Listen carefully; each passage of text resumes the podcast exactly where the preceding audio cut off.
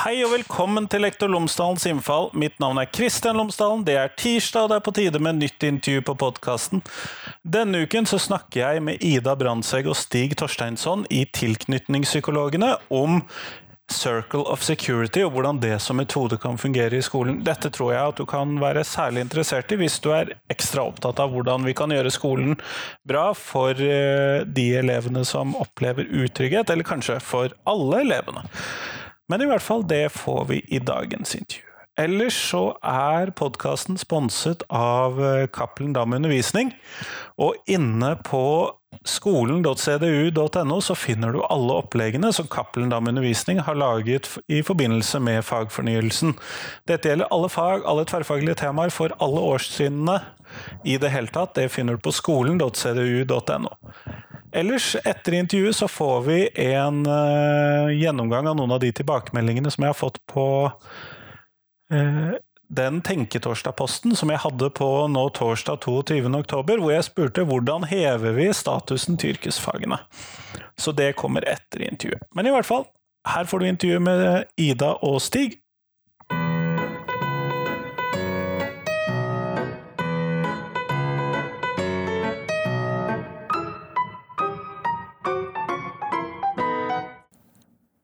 Ida Brandtzæg og Stig Torsteinsson, tusen takk for at dere har tatt dere tid til meg i dag.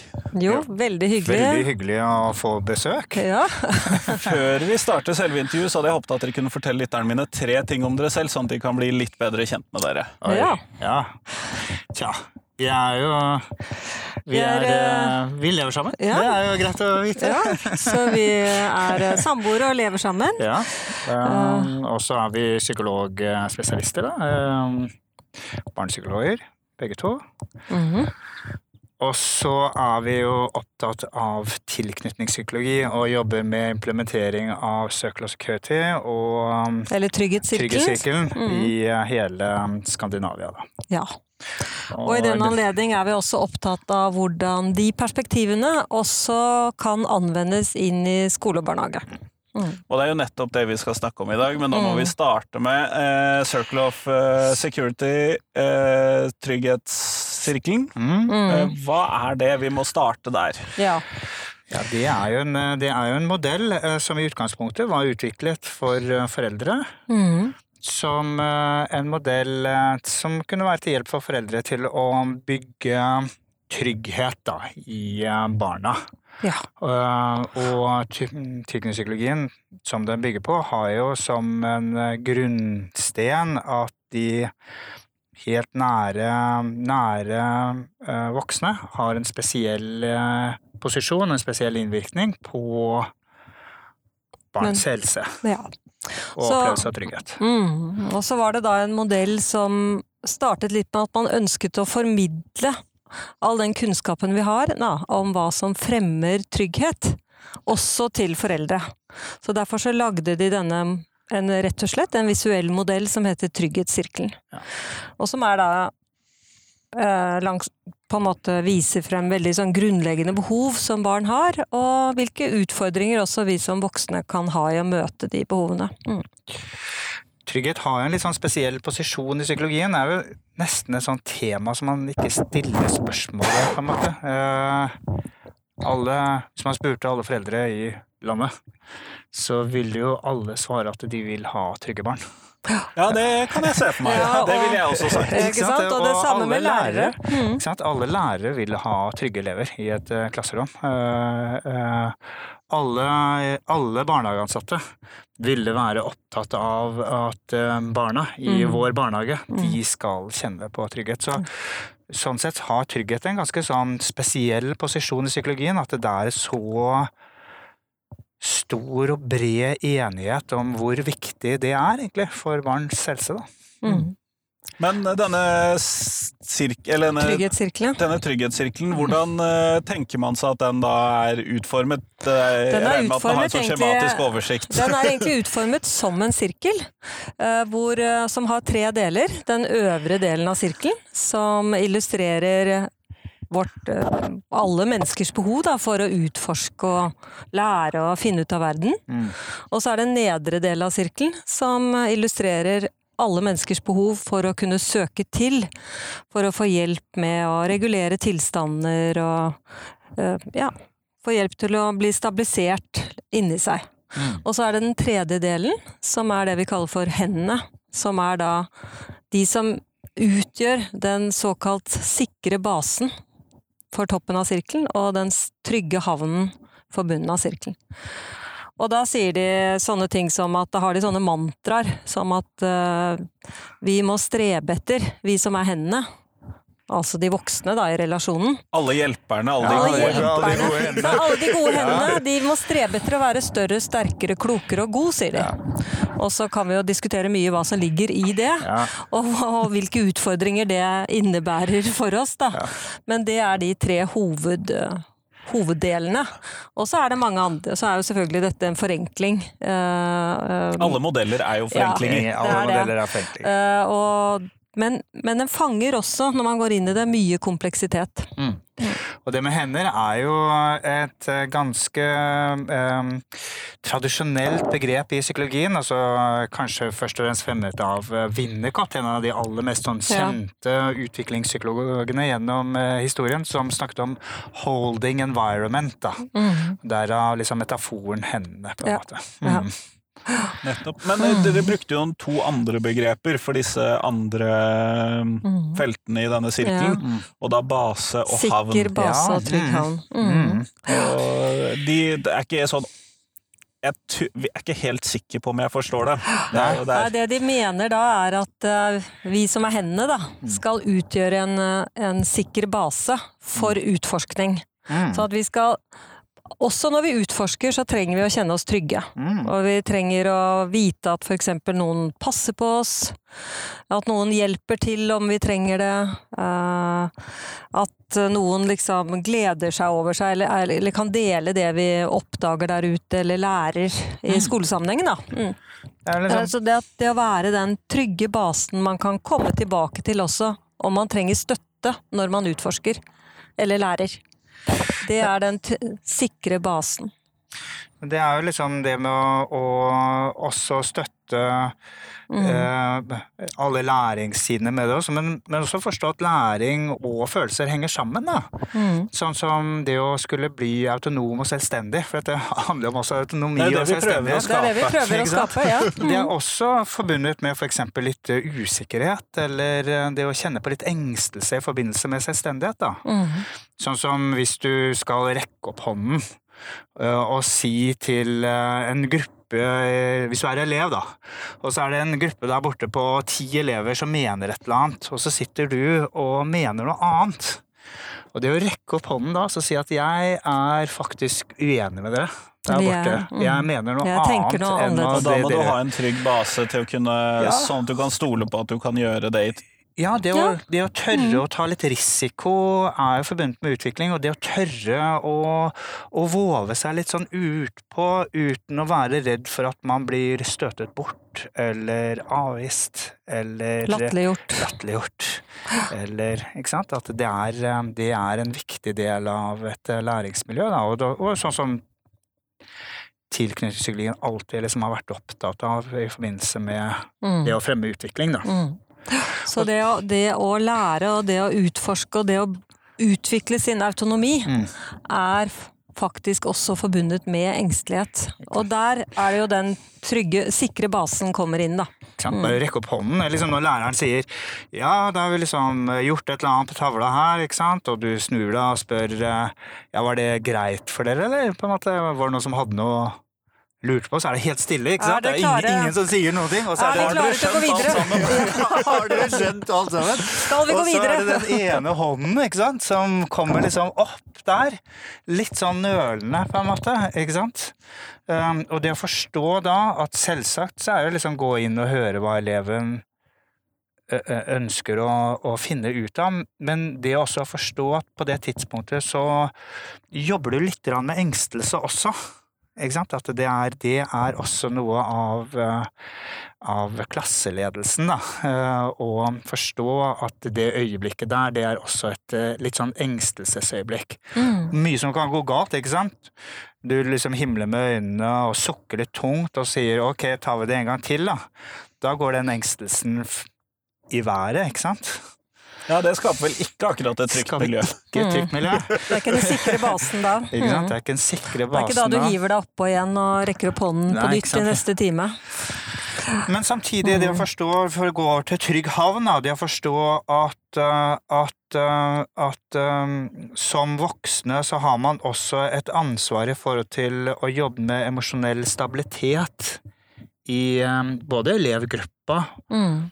Og da i særskilthet liksom enkeltelever, da, som jo raskere og av ulike grunner ja, på bunnen av blir, sirkelen, ja, som vi blir emosjonelt ustabile, på en måte. Og det å forstå hvordan regulere eller stabilisere tilstander hos barn, da, som en, også en viktig del av klasseledelsen. Og Ja. som er den trygge havnen, da, på en måte. Mm. Sånn at, sånn at elevene kan komme til deg ja, når noe er eh, vanskelig, eller hvis de blir urolige. Og du som lærer også ser at nå trenger jeg liksom å kanskje gå litt nærmere, eller Ja. legge hånden på skulderen og se at nå trenger den eleven å stabiliseres litt ned. Hjelpe, hjelpe eleven med en tilstandsregulering, nærmest. Da. Noen elever trenger mye det. Vi er opptatt av det. At de aller fleste elever greier seg jo uten så veldig mye sånn tilstandsregulering i klasserommet, men, Mm. men noen elever, kanskje en tredjedel da, i klasserommet, trenger mer av den hjelpen. Mm. Og, og um, du kan jo forestille deg, ikke sant? du som lærer, du liksom hilser på alle elevene, de kommer, her kommer Petteren, han er i godt humør, eh, det er eh, liksom Halla. Har stor plass i rommet når han kommer Stor inn. plass i rommet, liksom, ikke sant? Og du har liksom uh, Ella der, ikke sant. Hun har også godt humør, men så kommer um, Kristoffer, da, ikke sant. Det er hetta over hodet, det er dårlig stemning, du merker det. Store øreklokker. Store øreklokker. Du kjenner disse elevene. Ja. Kikker opp på deg, liksom, og der, der du ser at ting ikke er bra, da. Um, Jeg har møtt alle disse. ja, du har møtt det, ikke sant? Og det, å, det. å liksom vite da at ok, Kristoffer trenger i dag liksom, Han er liksom mye på bunnen av den sirkelen. Han, han trenger mer stabilisering fra meg. Han trenger liksom den der hjelpen til å gjenopprette eller forbedre tilstanden sin, da. For å i det hele tatt komme i en posisjon til å lære noe som helst, på en måte. Mm.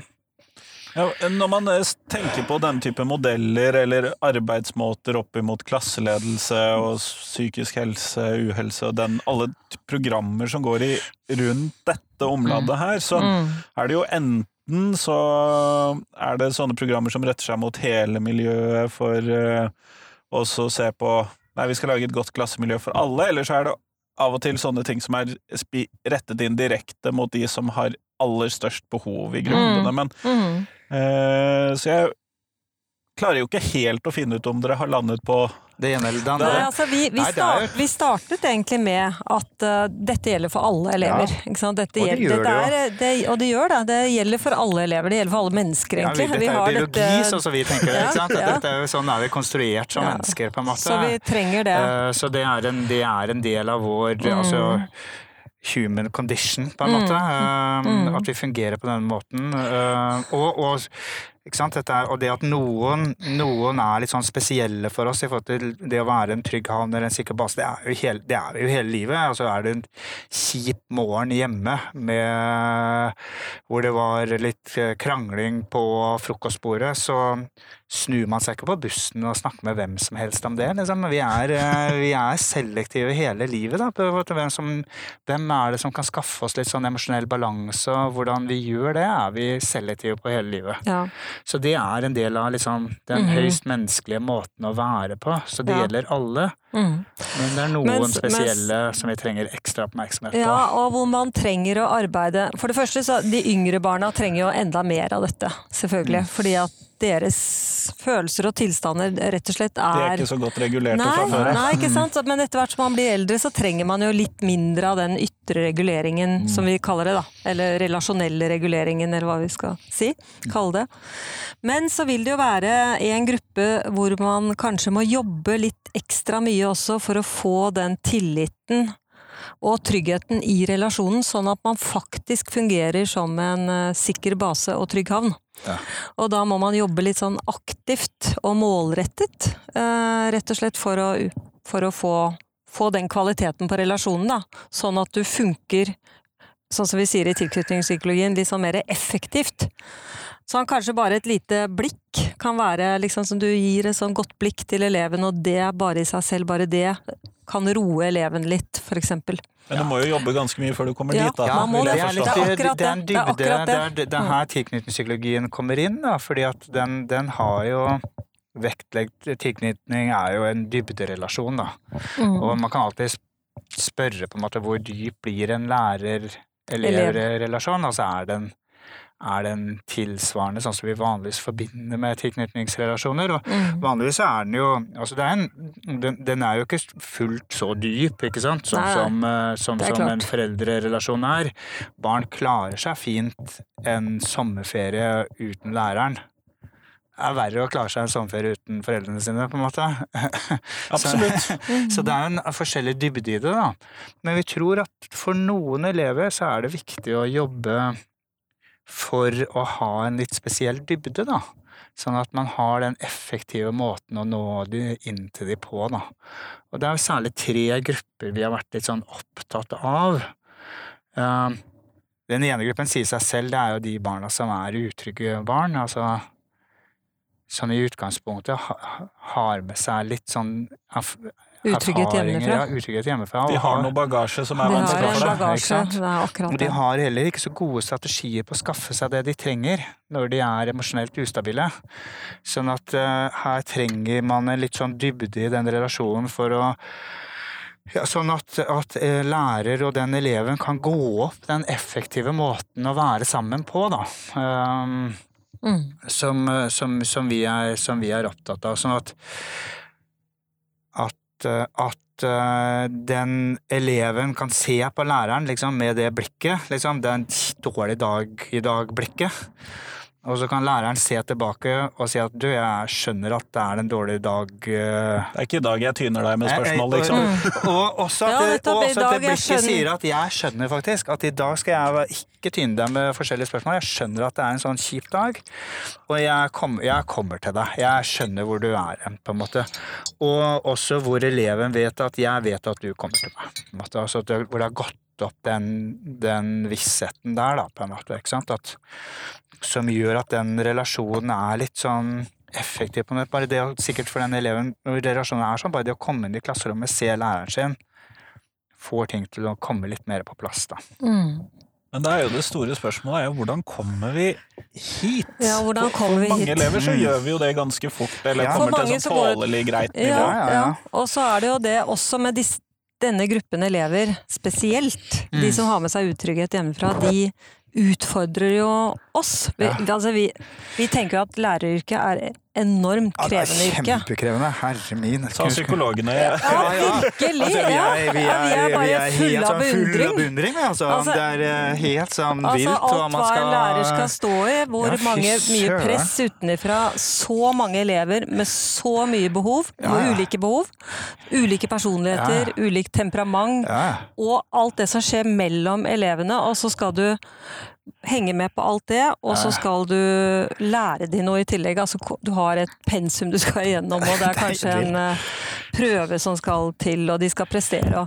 Så at, Og, og, alle, de, også, alle den variasjonen da, iblant alle de, de, de barna det, det, er et, det er jo et snøskred av behov, liksom, Mm. å håndtere alt det der på en gang. Mm, og så skjer det mye, da. jeg tenker også på alle de beslutningene lærere må ta så, eh, så raskt, og du Mm. har så lite tid på deg, og du skal vurdere skal jeg konsentrere meg om den eleven nå, eller Ja. den eleven, eller skal jeg fortsette på tavla? Ja. Det, er, eh, det er mange beslutninger å ta. Ja. Og, og så er jo det da at noen elever uh, utfordrer jo langt mer. Ja. Og så er lærerne også forskjellige. Ja. Så vi utfordres av forskjellige ting. Så noe av det som er KOS sitt perspektiv, et søker og security eller trygghetssirkelen. Kjært navn, mange barn. Da kan barn. du si hos resten av podkasten, tror jeg, når du først har spesifisert det. slipper å ramse opp alle de navnene for hver gang. jeg er jo opptatt av at Det, det er et veldig viktig perspektiv. eh, hvordan vi holder øye med En ting er å forstå de ulike behovene. En annen ting er å holde litt sånn øye med seg selv. Hvordan reagerer jeg i en gitt situasjon? Hva er det som skal til for at jeg eksploderer eller Ja. faller bort? Den Ja. bevisstheten Ja, på den seg selv. Da. bevisstheten der på seg selv. Hva blir jeg trigget av? Og hvordan virker det på elevene? Eh, Hvordan, hvordan opplever de meg i det øyeblikket, eller hvordan opplever de seg ivaretatt i det øyeblikket? Så Så det er de tre, de tre perspektivene der jobber vi jo mye med i KOS. Ja. Og, og, og tigningspsykologien også ser jo på atferd som kommunikasjon, der eleven prøver å si deg et eller annet. Og det er jo det som den modellen skal være liksom til hjelp for, da. Mm. Til å Av og til er liksom litt det Der er det et rom for fortolkning, liksom. Hvordan, hvordan Hva er det den prøver å si, si noen ting om nå? Og, og da er det jo en del barn som er litt sånn upresise på hva de formidler. Noen barn har jo, er jo superpresise. De er jo Er de lei seg, så sier de 'du, jeg er lei meg', jeg', liksom. Ikke sant? Kanskje litt filterløse, til og med. Kanskje til Ja, og med det. Mm. Eller, eller de kommer til deg og sier at jeg, jeg, jeg trenger sånn fra deg, jeg nå trenger litt sånn, jeg trenger litt ros fra deg, jeg nå er ferdig med dette, jeg, ikke sant? så se hvor flink jeg har vært da, ikke sant? De, de er veldig sånn, de er liksom presise i, i å fortelle lære hva de trenger, men så er det jo det barn som jo ikke er så presise av ulike grunner. Mm. Um, Sånn som for eksempel en del, del av de utrygge barna, fordi de har ikke fått den opplæringen i å formidle seg presist. Altså, um, har de vært lei seg, så har de kanskje fått foreldre som har sukket over de, vært oppgitt over de, blitt kanskje sint på de. Så de slutter å formidle det, eller de finner andre måter å oppnå en kontakt og en Store forbindelse på. Store gutter gråter ikke, og Ja, den ikke sant? typen. Alle den type ting. Da. Og da er det da er det, da er det her trygghetssirkelen kommer litt sånn inn og kan være til hjelp. Um, I å forstå de, særlig de barna som av og til formidler seg litt uh, upresist, da. Mm. Mm. Og så er den litt sånn til hjelp til å holde blikket på seg selv. Og samtidig holde blikket på seg selv. Hva, Hva, skjer, med meg? Og hvordan kan jeg set, ta et skritt til siden og like, holde oppmerksomheten på hva er det eleven trenger? Og det, det er liksom For det er jo utrolig mye vi kan trigges av, vi mennesker. Det Ja. er jo ikke bare lærere. Det er jo, det er jo sånn vi er, vi mennesker. At vi, at vi utfordres. Og denne tryggheten skal jo da skapes i en relasjon, så vidt jeg da forstår dere. Ja, ja. Og da blir jo det veldig viktig hvordan vi reagerer på Ja. det elevene gjør. Nettopp. helt Det er kjernepunktet. Det er kjernepunktet. Mm. Og, og læreryrket er jo et spennende yrke, på, på, og likt på mange måter som psykologiyrket er også. ikke sant? At det er en, krever en sånn høy grad av bevissthet på um, Egne reaksjoner. Egne, egne reaksjoner er- Psykologyrket gjør også det. ikke sant? Du kan, du kan, det, hvordan, hvordan du blir oppfattet som psykolog, eller hvordan du imøtekommer reaksjoner hos klientene dine. Det, er- klienten din er så oppmerksom på det. Hvordan, eh, hvordan det kjennes ut å være hos deg, hvordan, hvordan det føles å være hos deg som psykolog, på en måte, er jo kjempeviktig for om Mm. man kommer tilbake til gang nummer to og nummer tre, og fortsetter å fortelle om de tingene som er vanskelige. Og det, det tenker vi jo er litt sånn likt med læreryrket. Den, den, den, den måten å være på som eh, gjør at elever kjenner at du, du er en god person for meg. Du vil meg vel, da. Mhm. Eh, Jeg, hos deg kan jeg få litt sånn litt hjelp. Og Og, det, er, det er en Og det Mm. tenker jeg er en sånn grunnleggende En grunnleggende Det er jo en grunnleggende bestanddel i tillit. Tillit. Tillit det Mm. å være sikker på at læreren min vil meg vel, faktisk. Mm, mm. Mm, ikke sant? Det, Liker og, meg. Og, Ja, liker meg, ikke sant? Og der vet vi jo at det er mange elever som ikke opplever det. Mm. Så det liker meg og vil meg vel, det henger jo veldig sammen. Men jeg har bare, bare lyst til å si at vi er også veldig opptatt av eh, kroppsspråket vårt. Ja. Og bevissthet på dette, alle de subtile måtene vi mennesker reagerer på, da. Mm. Og som barn er superdyktige Ja. i å fange opp. Om vi er brå i bevegelsene våre, eller om vi sukker litt, eller ikke sant, himler litt med øynene, eller hva nå enn vi gjør. Synker sammen. Synker sammen. Synker sammen. Ja, det er jo utallige, utallige måter som ikke er verbale, som, som elevene fanger opp. Ja. Eh, Så det er derfor vi er Og det krever virkelig høy grad av bevissthet å Ja. være litt Ha den kontrollen, da. Ja. I dette høystressyrket Ja. som læreryrket er. Det er jommen meg en kjempeutfordring. Mm. det er dette elever husker også, da. Eh, Mm. liksom, hvis du spør voksne mennesker. Altså, fordi at det er jo ikke alltid man husker hva læreren Lærte det. lærte deg. Eller het, for den saks skyld. ja, nei, Men du husker hva læreren fikk deg til å føle, da. Mm. Det, det, fikk, det husker du, på en måte. Hvis du spør Og det gjør vi det i, i programmet vårt. Så er det, er det første temaet vi går gjennom, er liksom læreren må se seg litt, sånn litt tilbake og huske, huske egne lærere. Og hva fikk de deg til å føle, på en måte? Mm. Og Hva husker jeg fra den gang, ja. Ja, hva husker jeg fra den Ja, gang? Liksom, ja, hva- hva- Fikk læreren meg til å føle meg Bra, god eller bra, som et bra person, eller ble jeg usikker av den læreren og følte meg dårlig? ut? dårlig? Ikke sant? Ja. Følte jeg meg dum eller Følte jeg meg flink? flink, ja, eller flink? Mm. Og det, det der det husker man, altså. Det, man husker hva lærerne fikk deg til å føle. Mm. Um, Det sitter og i det kroppen. sitter mye hardere enn hva de, akkurat hva de, fikk det, hva de lærte der, på en måte. Det sitter knallhardt, da. Så det, det, det er liksom av Og det her første er vi vi jo går gjennom i litt av programmet vårt. kjernen til livsmestringa. Ja, ikke sant? mhm. Det er klart at det å føle deg bra, føle deg mestrende, Mm. føle deg som et bra person, da. Ja. Det er eh, grunnleggende for eh, livsmestring. Og, og hvordan, man har, hvordan man har lært det i relasjon til læreren, det er en relasjonserfaring som eh, man også kan ha med seg videre. Ja. Som påvirker en på veldig mange måter. Og her er jo litt sånn likheten også i tilknytnings... Altså én ting er at lærere er en sikker base og en trygg havn, sånn som en forelder er det. Men kvaliteten på relasjonene lærer-elev og foreldre varierer også rundt den samme dimensjonen trygg-utrygg, da. Kan være utrygg på læreren. Læreren, det. Ikke sant? Hvor Mm. man kjenner at læreren er på måter som Du Man blir- føler ikke at lærer vil meg vel, da. Um, og det, Mm. det så, så kvaliteten på relasjonen kan også variere rundt samme dimensjonene som en Foreldre-barn. foreldre-barn-relasjon. da.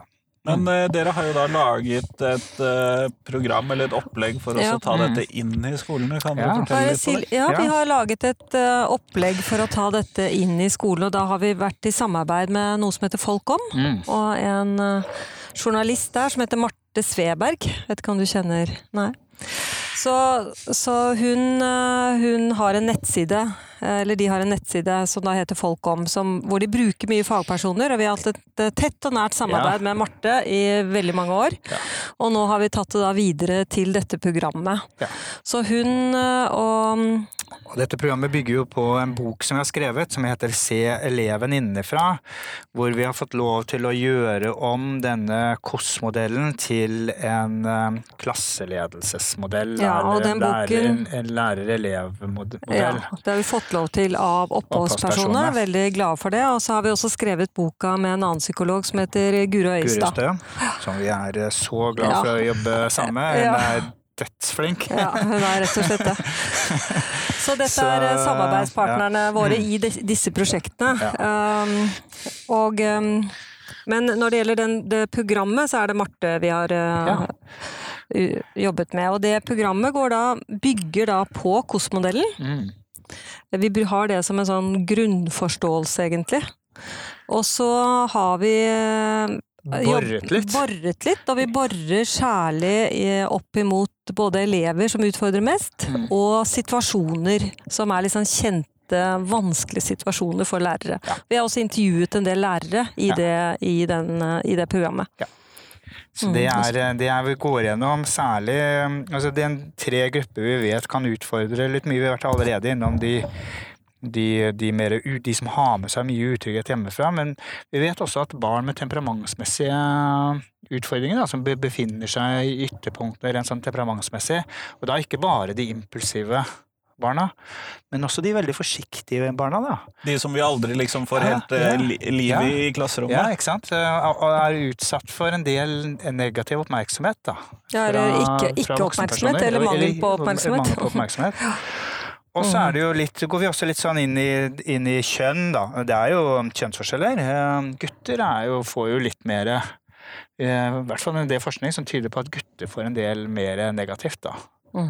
Um, så vi, vi snakker en del om kjønnsforskjeller også i Ja, dette og disse tre gruppene her, som Stig eh, beskrev, det er jo også de gruppene, og da faktisk særlig de utrygge, Ja. som aller mest påvirkes eller er mottakelige for relasjonskvaliteten. Så Mm. om vi greier å bygge en god kvalitet på relasjonen til lærerne, Mm. Eh, og at de opplever en tilhørighet på skolen, det er også et Ja, viktig punkt, eh, så, så, så vinner de aller mest.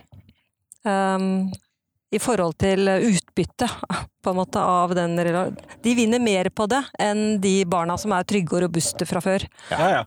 Det har jeg forståelse for. Ja, det er, en, det er en gruppe ikke sant, som jo ikke er så hvor, hvor kvaliteten ikke er så utslagsgivende. Altså, de kan gå i en mindre kvalitetsskole og, og klare seg superbra. Mm. Nå så kommer de til en bedre, og de klarer seg fremdeles bra, på en måte. Altså, at det er ikke så store variasjoner. Nei. Hvis du er trygg i utgangspunktet Ja. Og Mm. ikke blir rokket så mye ved det, så går det fint. Så Ja, går ikke det sant? fint, ikke Selv om du får litt kjeft, da, og ikke, så rister du det av deg, så, så, greier, så går du videre på neste oppgave. ikke sant? Ja, for kjeften betyr vel mye mer når du er utrygg. det er Ja, akkurat det det. er akkurat det. Det er Da, den- den- betyr, da er det ikke så lett å gå videre på neste oppgave. Da, da, da ryker tilliten, og når vi har mangel på tillit til lærer, Mm. eh, personen lærer, så er det heller ikke noe tillit til den informasjonen som den læreren formidler. Så det er også tillit til person og tillit til eh, informasjon henger sammen. Mm. Ja. Hvorfor skal jeg høre på han, er det noe i det han formidler, på en måte? Ja. Det er det, jo, det er det jo veldig mye forskning på. Det er, er man jo veldig opptatt av i psykologien også, og i terapiforskning. ikke sant? I, terapi så er det også mye overføring av kunnskap. Vi, vi sier noe til som vi tenker at dette kan kanskje være lurt for deg å tenke på, eller ikke sant? At vi sier noe, da. Men, men vi snakker jo ofte til personer som jo har Hvor det har vært lurt å bare stenge av, og den informasjonen de har fått, har ikke vært til hjelp for det. ikke sant? Sånn at de er veldig skeptiske til all form for informasjon, egentlig. Og det gjelder jo selvsagt elever også. Det er en del elever som er skeptiske til all form for informasjon, Mm. med god grunn. Og der er det jo Vi tenker at du, vi har en, fra biologien sin side en sånn motorvei for læring, da, som vi skriver om i, når vi skriver. Altså at ved å nå ved å jobbe med tillit, så åpner du også den motorveien for læring, da. Mm. Og den kunnskapsoverføringen går lettere, på en måte. Men hvis jeg da som lærer skal eh, benytte meg av dette programmet og de tankene som dere har, da har lagt inn i denne boken og denne eller videreforedlede modellen, eh, hva er liksom de første tingene jeg kan eller bør begynne å tenke på for å så implementere dette i min virksomhet da, ja. som Ja. lærer? Jeg må bare si at uh, boka har vi jo skrevet til lærere. ja. Mm, den, Den er, er til det. å lese for lærere. Det kommer en lenke i shownotesen. Ja, sånn at det- ja, ja. Mens, mens dette programmet vi har utviklet, det er eh, utviklet for alle de som jobber med lærere. ja Mm. ikke sant? At, Sånn at de kan eh, gå gjennom det sammen med lærerne. For eksempel eh, PPT, alle som jobber i PPT, eller helsesykepleiere, eller Ja. sosiallærere, eller Det er greit å ha til litt forskjellige grupper. ja, vi, Ja, det, vi, dette er altså fordi det er der hvor det er behov for kanskje å Ja. Jobbe litt ekstra, eller få litt hjelp til den relasjonsbyggingen da, Ja. med elevene. For For det er jo ikke som lett. trenger litt ekstra. Ja. Ja, mm, og, og vi mm. tenker jo at alle lærere kan jo ikke komme til oss og lære om det. Så vi, det vi har tenkt er at Og derfor har vi laget et ganske sånn sjenerøst program, syns vi også, da, med at det vi gir Vi ønsker å gi noe til noen lærere, sånn at de kan ta med det tilbake til sitt miljø og jobbe med det der, da, på en måte. Og det er Mm. masse filmklipp og temaer å diskutere. Mm. Og Situasjoner. situasjoner og intervjuer med lærere og mange mange Mm. ting som de kan ta, ta med tilbake til sitt læremiljø. For å jobbe mer med det der, da, på en Ja. måte. En del Mm. sånne case eh, kan Ja. være utfordrende og vanskelig Ja. å jobbe med. Ja, det, er, det, det, er, Mm. det ønsker Det har vi gitt eh, gitt ganske rikelig av her. Da, Så det kommer noen case fra virkeligheten Ja. i det programmet, som Ja. vi har hatt en, en som har tegnet mm, ulike situasjoner. ja. Eh, og så går vi gjennom og reflekterer rundt det. Hvor gikk det galt? Ja, på en måte? Hvor, hvordan- hvordan- hva, hva skjedde her? Og det er, det Hvordan er kunne vi ha stoppet dette fra å eskalere sånn som Mm. det gjorde? Hva kunne vi ha gjort? på en måte, det først, hvis det først eh, blir så galt, hva kan vi gjøre?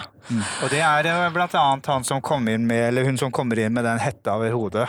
Mm. Og liksom er liksom det der tunge liksom Orker ikke, hilser ikke på deg engang. Går bare rett forbi. Setter seg ned på plassen sin, helst inntil en vegg. Ja, helt inntil en vegg. Ja, og har, eh, klærne ligger strødd i garderoben, eller i gangen utafor. Og, og hvor, Mm. hvor, hvor dette også er liksom altså dette, er jo en, dette er jo en litt sånn motmodell til en veldig sånn disiplinærtanke, da. En disiplinær tanke vil være å si at her i dette klasserommet så hilser vi på hverandre. Og det var det, i den casen Stå så ved pulten ja, så, liksom, ikke sant? Og det var det som skjedde i denne casen. Vi, Der var det litt sånn disiplinær, og hvor det eskalerer. Ja. Og når du, når du Da kjente den personen seg krenket, da, ikke sant? Og så eskalerer det, går det derfra videre oppover, da, på en måte. Ja, dette er jo på mange måter en, det vi jobber med, er emosjonsregulering. Ja, det er et sånn i bunn og grunn, da. en måte. Hvordan hjelpe elever til å regulere seg sånn at de er i mest mulig, best mulig posisjon da, til å lære. Og det er denne Mm. følte tryggheten som jo Mm. er tilknytningspsykologien sin posisjon. Og Jeg tenker vi der egentlig er, når vi er der, så får vi brukt ressursene våre aller mest, på en måte. Mm. Så det er liksom hvordan man som lærer kan hjelpe elevene tilbake til, eller gjenvinne, eller oppnå den følte tryggheten. Da. Mm. Kjempeflott. Eh, Vi går mot slutten av podkastintervjuet. Ja. Og da så skal jeg stille dere det samme spørsmålet som jeg stiller til alle de jeg intervjuer for tiden. Ja. Og det er eh, hva er de tre viktigste tingene skolen kan lære elevene? ja. Ah, ja, hjelpe seg. Hva er det de kan lære de elevene? Det er jo tenker jo, eh, vi, vi har jo snakket om mye av det vi syns er aller viktigst, Ja, mm. nemlig at de skal få gode eh, relasjonsopplevelser, Mm. også med lærerne. Og at det, det vi ikke har snakket om, er jo også at det, hvordan man er eh, mot en elev som har f.eks. vanskelig atferd i Ja. klasserommet. Det påvirker jo også alle de andre elevene. Ikke bare at de kjenner seg mer urolige hvis den eleven blir behandlet dårlig, men de lærer jo også noe om hvordan man er god med hverandre. ja. Eh, og jeg tenker jo at det er utrolig viktig Ja. lærdom å ha med seg i livet. Et Ja. kjempeviktig element i, i livsmestring er å lære hvordan man er god med andre. Så det tenker jeg det er en kjempeviktig Ja, det, er- det er liksom nummer én. Ikke sant? At Mm. du er det prososiale, da, sånn som vi vil Mhm. kalle det. Altså, du er et eksempel. Den urolige eleven. Behandler du den urolige eleven på en god måte? Alle de 30 elevene ser det. Og lærer å være inkluderende, også overfor de menneskene som er, har litt uro i seg. Og tåle de menneskene som er litt, har litt uro i seg. på en måte. Sånn at det er, det er en måte å, å lære elevene til å tåle mangfoldet vi mennesker representerer, da. Um, og det, det er et kjempeviktig Det er et Mm. kjempeviktig, en kjempeviktig ting. Um, um, hva, uh, vi, dette er jo også en, en, en tanke om at helse Altså det å forstå at helse Helse laves først og fremst der eh, barn er. Helse laves ikke først og fremst på helseinstitusjonene våre. Den lages først og fremst eh, der barn er, da. I familien og i Mm. barnehagen og på Mm. skolen. Og disse arenaene som barn tilbringer mange, mange timer, de har en enorm innvirkning på barns helse. Så det å ha en bevissthet på hvordan fremme god helse og god livsmestring Ja, i de arenaene, er utrolig fremme viktig. at man har det bra, rett og slett, på skolen. Eh, Det er klart å gå gjennom en skolegang og grue seg hver dag og ikke ha det bra, det er ikke bra for eh, mental helse. Eh, Eller kjenne seg dårlig hver eneste dag, det er ikke bra. Mm. Og det tredje måtte være at det er noen barn som på en måte representerer en, en, en hvor man trenger å tenke spesielt rundt Mm. eh, når det gjelder, eh, når det gjelder eh, trygghet, og hvor det arbeidet med trygghet krever en større grad av investering, og det krever en litt dypere relasjon Ja. enn det man vanlig, kanskje vanligvis liksom Ja. tenker i forhold til Som ikke alle elever trenger, men det er noen elever som trenger den. For at du skal kunne bli en effektiv eh, lærer, Lærer. og ha en god og effektiv klasseledelse. Mm. Det var fin. Det er eh, våre tre viktigste punkter.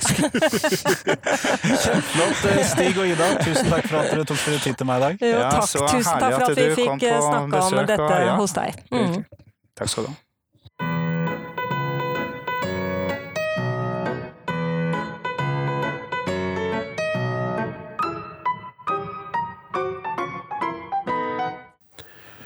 Tusen takk til Ida, tusen takk til Stig, og tusen takk til deg som hørte på. Nå er det en uke igjen til neste podkastintervju. Og jeg lover æresord, jeg har ikke planlagt noe intervju for denne eh, fredagen.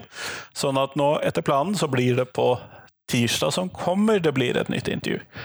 Eh, jeg vet ikke hva dere tenker om at det kommer jevnlig to ukentlige intervjuer, så send meg gjerne en tilbakemelding på det, hva du tenker om én eller to intervjuer i uken. Eh, Jeg gjør jo det ofte når jeg har noen ekstra intervjuer liggende, eh, men jeg vet jo ikke om det er noe som settes pris på eller ikke. Samtidig så opplever jeg jo at det er altfor mye gøy å drive med i norsk skole og finne ut av om norsk skole, sånn at jeg vet jo ikke om jeg helt klarer å slutte med det uansett. Jeg lovet før intervjuet at jeg skulle ta opp eh, hva som var tilbakemeldingene på ukens Tenketorsdag-post. Hvordan hever vi statusen til yrkesfagene? Og den ble postet 22. oktober og ble delt i ulike grupper på Facebook og på Twitter osv. Um, inne på um, Politisk ungdom så var det første svaret var lønn, og det ble diskutert litt frem og tilbake. Um, og så ble det stilt noen spørsmål om hvilke yrkesfag, og det ble differensiert mellom yrkesfag og viktig. Ellers så det mest konkrete der var Ida Mosby Sandhus som sa sikre lærlingplass. Eh, Forsikre foreldre om at man kan endre valget sitt, eh, fordi at en del foreldre opplever yrkesfag som litt mer låst. Jeg vil mene at det er feil, men en del foreldre opplever det. Hun trekker fram øke stipend til utstyr, gir linjene rett til utstyr, gi informasjon til rådgivere på ungdomsskolene osv. Inne på Styrk arbeidsmiljøloven så trekkes det fram tariffavtaler, eh, yrkesutdanninger eh, ute i arbeidsplass osv. Så, videre. så det er masse interessant. Nede på Twitter, hvis vi skal kalle det nede, så ble det trukket til spørsmålstegn ved om det overhodet var slik at yrkesfagene hadde lavere status. Ehm, og vi ble nok kanskje enige om at de mange anså de for å ha lavere status, og at dette kanskje kunne ha noe med middelklassens perspektiver og verdier å gjøre. Og det er nok riktig. Eh, Og man ser jo også det at det er særlig de store byene hvor det er særlig lavt tilsøkning til yrkesfagene. Så der kan det jo kanskje også ligge noe. Hva tenker du? Gå inn på Facebook-siden eh, Lektor Lomsdalens innfall og si din mening. Og så høres vi neste tirsdag. Hei, hei.